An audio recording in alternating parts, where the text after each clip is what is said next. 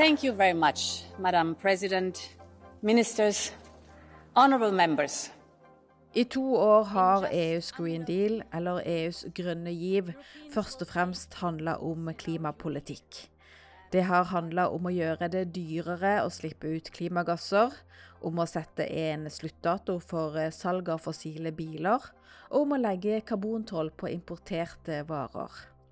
Men de siste ukene har EU-kommisjonens president Ursula von der Leyen lagt mer og mer vekt på at EUs grønne giv også er en vekststrategi. Det handler ikke bare om å kutte utslipp, men om at mer og mer av det verden trenger i det grønne skiftet, skal produseres i Europa. From wind to steel, from batteries to electric vehicles, our ambition is crystal clear. The future of our clean tech industry has to be made in Europe. This is our task. Hjertelig velkommen til Energi og klima. Mitt navn er Kirsten Øystese. Jeg sitter i Bergen. Og med fra Brussel er energi og klimas korrespondent Alf Olask. God formiddag. God formiddag.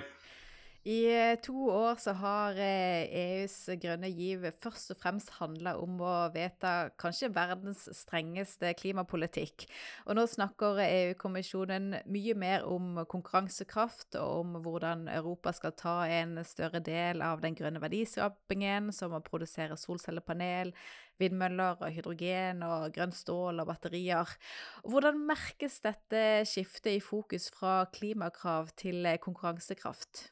Det er klart Dette er eh, på mange måter eh, et svar på flere ting. Det er jo et svar på Kina, eh, som jo holdt på å si, tjener grovt på det grønne skiftet i Europa. Fordi de leverer elbiler som er billigere enn man lager i Europa, og de leverer jo mye av det solcellepanelene som nå skrus opp i rekordtempo. Og så er det jo et, eh, en diskusjon som er et svar på denne utfordringen som amerikanerne har kommet med gjennom denne her Inflation Reduction Act, som er altså en sånn klimaskattepakke som, som Biden fikk eh, vedtatt ved årsskiftet. Og så er selvfølgelig dette også eh, et svar på den vedvarende bekymring det har vært fra næringslivet i Europa og europeiske land om at den europeiske konkurransekraften er svekket over tid. Uh, og disse tre tingene til sammen har da ført til at uh, dette med konkurransekraft nå er det rykket uh, ganske høyt oppe på dagsordenen og var et veldig viktig tema i kommisjonspresident Ursula von der Leyens årstale som hun holdt nå i begynnelsen av september i Europaparlamentet i Strasbourg. Mm. Men står ikke EU i et lite dilemma her? For hvis vi ser på kostnadene for solcellepanel, så har de falt med 25 siden eh, årsskiftet. Og hvis EU senker prisene på kinesiske elbiler til det europeiske markedet, så vil jo kanskje flere velge elektriske biler. Og mer sol og flere elbiler er jo nettopp det EU trenger hvis de skal nå klimamålene. Jo da, det, du har jo selvfølgelig helt rett i det. Problemet med dette er jo at uh, dette styrker på en måte kinesisk økonomi. Og det man ser nå, det er en overkapasitet i kinesisk solindustri f.eks. Uh, og de uh, leverer nå dette såpass billig inn i det europeiske markedet at uh, den europeiske solcelleindustrien tvinges i kne. Eh, det begynner å bli eh, konkursvarsler, det begynner å, å, å, bli vanskelig. Så det er et spørsmål kan man sette inn noen tiltak her. Eh, og et av greiene kan jo være å innføre en toll på kinesiske varer. For å, å holde liv bokstavelig talt i den industrien som, som er i, i, Europa. Men det er helt klart, dette er et betydelig dilemma som EU nå sliter med. Mm. Og Hvilke tiltak du nevnte noe, men hvilke flere tiltak er det som vurderes? Ja, i det, noen av disse utspillene som er kommet fra, fra solcelleindustrien selv, så er det jo uh, selvfølgelig det man ofte roper på, er en eller annen form for statsstøtte eller, eller noen avgiftslettelser uh, her. Uh, men det er helt klart at heller ikke på dette området har man liksom kommet opp med noen quick fix så langt. Mm. Og Du nevnte også USA, for EU har jo Kina på den ene siden, og USA, USA som uh, lokker med store subsidier til, uh, til, grønn industriproduksjon. Hvem er det de frykter mest av uh, Kina og USA? Jeg tror du må se det litt si, innenfor ulike grener av industrien. Det er klart at det man ser når det gjelder USA, er jo frykten man har for at en del industri, f.eks. kjemisk industri, skal kunstgjødsel f.eks. skal flytte til USA, eller, eller kanskje enda mer korrekt at ekspansjonen ikke kommer til å skje i Europa, men i USA. Når det gjelder Kina, er det jo mye mer en direkte konkurranse på varer. Eh, altså, eh, vi har nevnt elbiler og solcellepaneler. Vi kan vel også nevne varmepumper for, for den saks skyld. At de da lages utenfor eh, Europa og eksporteres til Europa eh, og nærmest dumper markedet her. Mm. Og de ønsker å finne ut om, eh, om, Kina bryter noen handelsregler her også, med, med de prisene som de har satt på, på varer som de selger til Europa? Ja, de skal sette i gang nå en undersøkelse spesielt av, eh, av elbiler. Eh, det er riktig, det varslet von der Leyen i eh, sin tale. Men hvem innad i EU er det som i størst grad nå adresserer denne frykten for at Europa og europeisk industri kan miste konkurransekraft? Ja, Det er selvfølgelig de store industrilandene, Tyskland, Frankrike, men også svenskene. Dette var et veldig viktig tema for eh, det svenske EU-formannskapet som eh, ble avsluttet nå i sommer. Og sånn at Dette er liksom en av de tingene som, som Sverige løftet opp på dagsordenen. fordi Sverige har jo mye stor industri, og, og, så dette har vært et veldig viktig poeng for, for svenskene. Og er vel et tydelig bevis på at de fikk et visst gjennomslag for å si det sånn, i sin formannskapsperiode. Og neste uke så skal jo europeiske stats- og regjeringssjefer møtes til toppmøte i det europeiske politiske fellesskapet. Altså det er ikke bare EU, det er også Norge og de andre EFTA-landene og disse kandidatlandene, altså land som, som, ønsker å bli tatt opp som eh, medlem i EU. Blir dette et tema der? Ja. Eh, eh, det spanske formannskapet har laget eh, en rapport som uh, handler særlig om uh, disse ulike typer sjeldne metaller som man skal ha i f.eks. batterier og også i solceller. og Den rapporten er ganske nedslående, fordi den sier at dersom man ikke får gjort noe med, med den avhengigheten som man nå har av Kina for ikke minst visse typer batterier og metaller eller deler til disse batteriene, så kan man altså bli like avhengig av import av dette fra Kina som man eh, før krigen var avhengig av import av gass fra Russland. Så det betyr liksom at man i dette grønne skiftet kan eh, få nye avhengigheter av eh, makter utenfor EU. Eh, e eh, som det man hadde da tidligere når det gjaldt eh, import av energi. Så dette er en sak som er høyt oppe på dagsordenen. Og nå diskuterer man jo i EU dette som heter Net Zero Industry Act og denne eh, loven om eh, eh, råvarer. Som begge deler er EØS-relevant, og hvor Norge også har kommet med, med, innspill. og Det er jo nettopp for å øke selvforsyningen av kritiske råvarer for det grønne skiftet fremover. Men det er jo heller ikke lett, fordi dette er jo ting som som da finnes eh, i bakken, bokstavelig talt, eh, rundt omkring. Og det er eh, slik at i EU, i de 27 EU-landene i dag, så er det begrensede ressurser for dette. Utvider du ta med Norge og en del andre vennligsinnede stater, så, så, ser det noe lysere ut. Men det er helt klart at her må EU ut på verdensmarkedet og, og skaffe seg partnere i Latin-Amerika, i Asia, for å demme opp for Kina. Mm. Og hvordan går det? Ja, nå er jo dette ganske ferskt. altså Så, så langt har det vel ikke gått i det hele tatt uh, ennå, for å si det sånn. Men, men, men, det er klart, dette er en del av den handelspolitikken og den strategiske tenkningen som EU nå, uh, nå driver med, og som er, er, blitt satt mye tydeligere på spissen etter krigen i Ukraina. Mm. Men ser man til noen spesielle samarbeidsland som man tenker her har man mulighet til å bygge langsiktig samarbeid som, eh, hvor, hvor, man kanskje ikke har de samme utfordringene når det gjelder eh, de man har til, til bl.a. Kina og, og, Russland? Ja, det, eh, det, er det. Eh, jeg så eh, flakset forbi noen artikler her. Eh, forholdet mellom Australia og, og EU f.eks. Uh, innenfor noen av disse uh. Uh, så ja, det finnes det.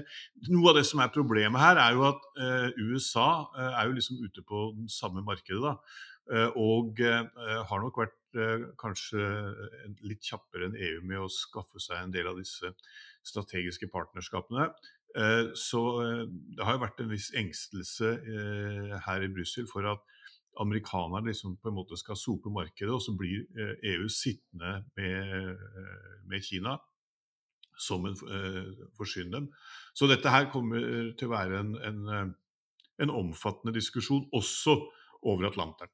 Og når det gjelder særlig råvaretilgang, så er jo Afrika et, også et nøkkelkontinent som både EU, men også Russland og Kina ønsker å bygge allianser til. Absolutt.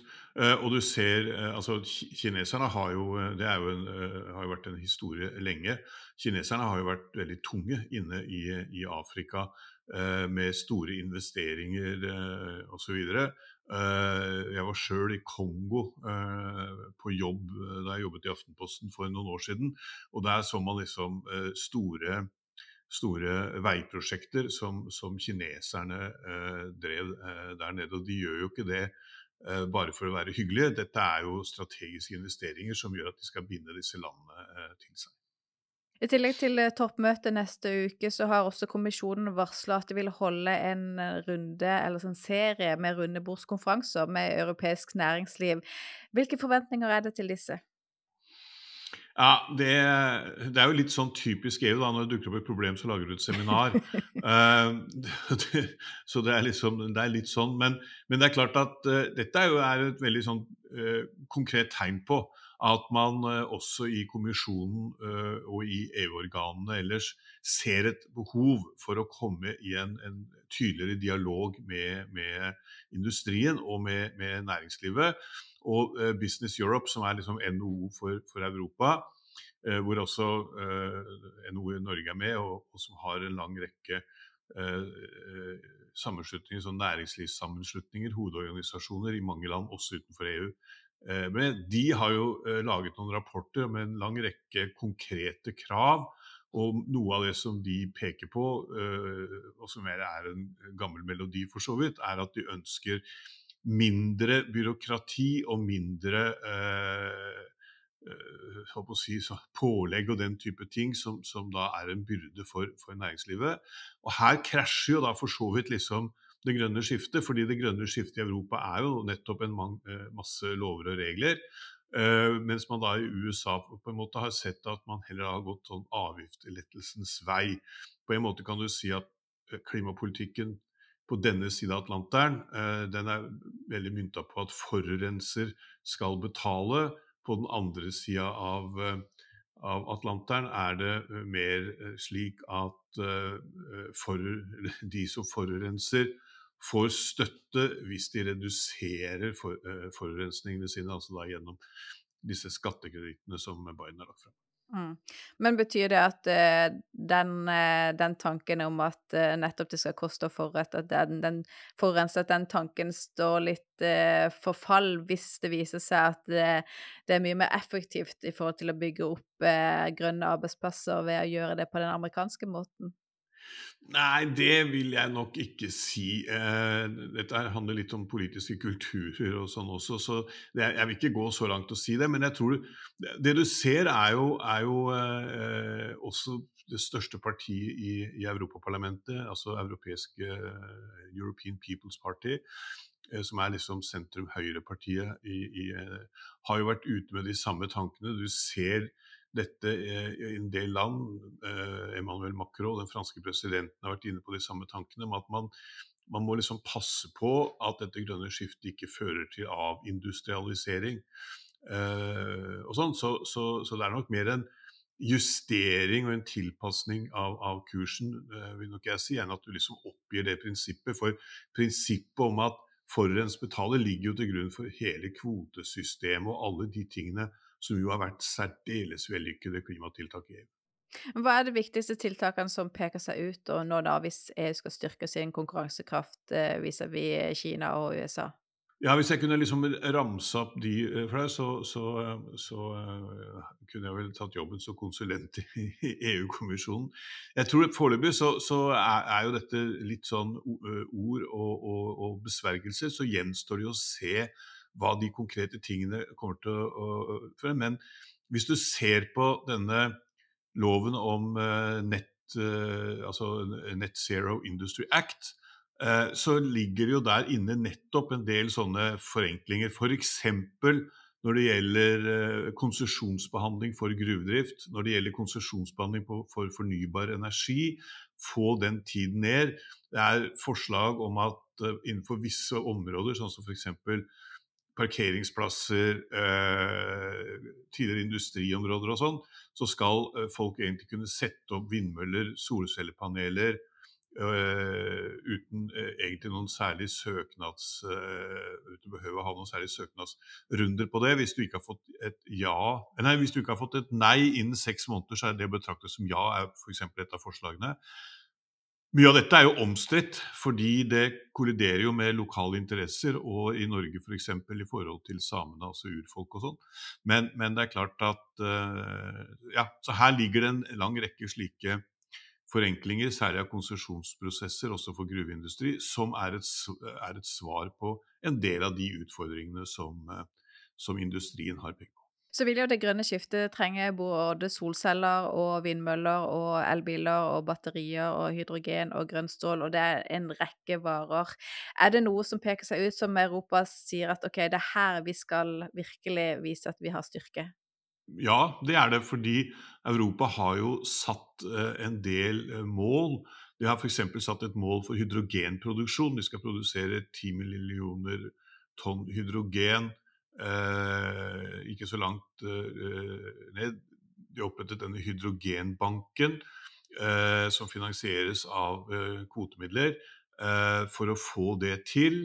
Det har fortsatt vært en veldig sped begynnelse. Det er jo en ordning som gir høyere støtte per enhet hydrogen enn, hva amerikanerne gjør, f.eks. Og de har formulert en del målsetninger for hvor stor andel av visse av disse råvarene skal, komme, skal EU-landene stå for selv. Eh, og sånn, sånn, at de har formulert mål. Nå gjenstår det da eh, også på dette området eh, å komme opp med de løsningene som oppfyller målene. Og så på siden av dette så er Norge. Eh, vi vil også gjerne være med på denne grønne veksten. Hva betyr det for norske selskap og norsk næringsliv, hvordan EU svarer på den konkurransen som de møter fra USA og Kina? Ja, så det, En ting du får, er jo en diskusjon, og den ligger der jo allerede, om konsesjonsbetingelsene i Norge. Norge har jo egentlig gått litt den andre veien, særlig når det gjelder vindkraft på land, hvor man jo i realiteten har gitt kommunene en slags eh, vetorett. Eh, og det blir en litt utfordring eh, på noen områder. Og vi har sett Norge har jo undertegnet en del internasjonale konvensjoner i forhold til urfolks rettigheter, som ikke alle andre land i Europa har. Eh, som gjør at vi er bundet opp, eh, som gjør at en del av disse hurtigbehandlingene ikke vil være eh, så lette å få til i, i eh, Norge.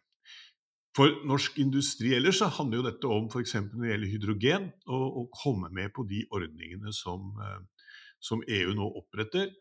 Eh, og det ser jo ut til at uh, Norge kan klare. Om de klarer å være med på den første runden som kommer allerede nå i høst, er litt uklart, fordi det betyr at vi må ha implementert endringene i kvotehandelssystemet.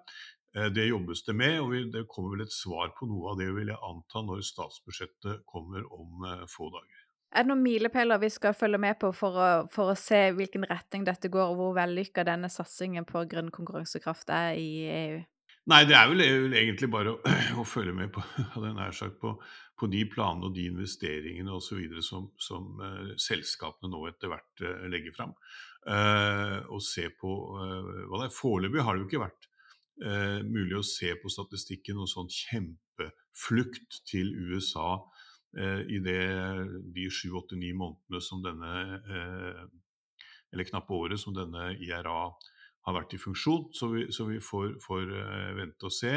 eh, hva som eh, blir resultatet. Men det, men det, kommer til å bli en veldig interessant diskusjon nettopp om hvordan man skal gjøre det grønne skiftet mer konkurransedyktig, øke konkurransekraften samtidig som man gjennomfører klimatiltakene. Det kommer til å bli en interessant diskusjon og en interessant prosess i, i EU. Ok, Fint. Takk for oppdateringen fra Brussel, Alf Olask. Vær så god. Takk også til du som lytter på. Energi og klima er tilbake neste uke med en ny podkastepisode. Takk for i dag.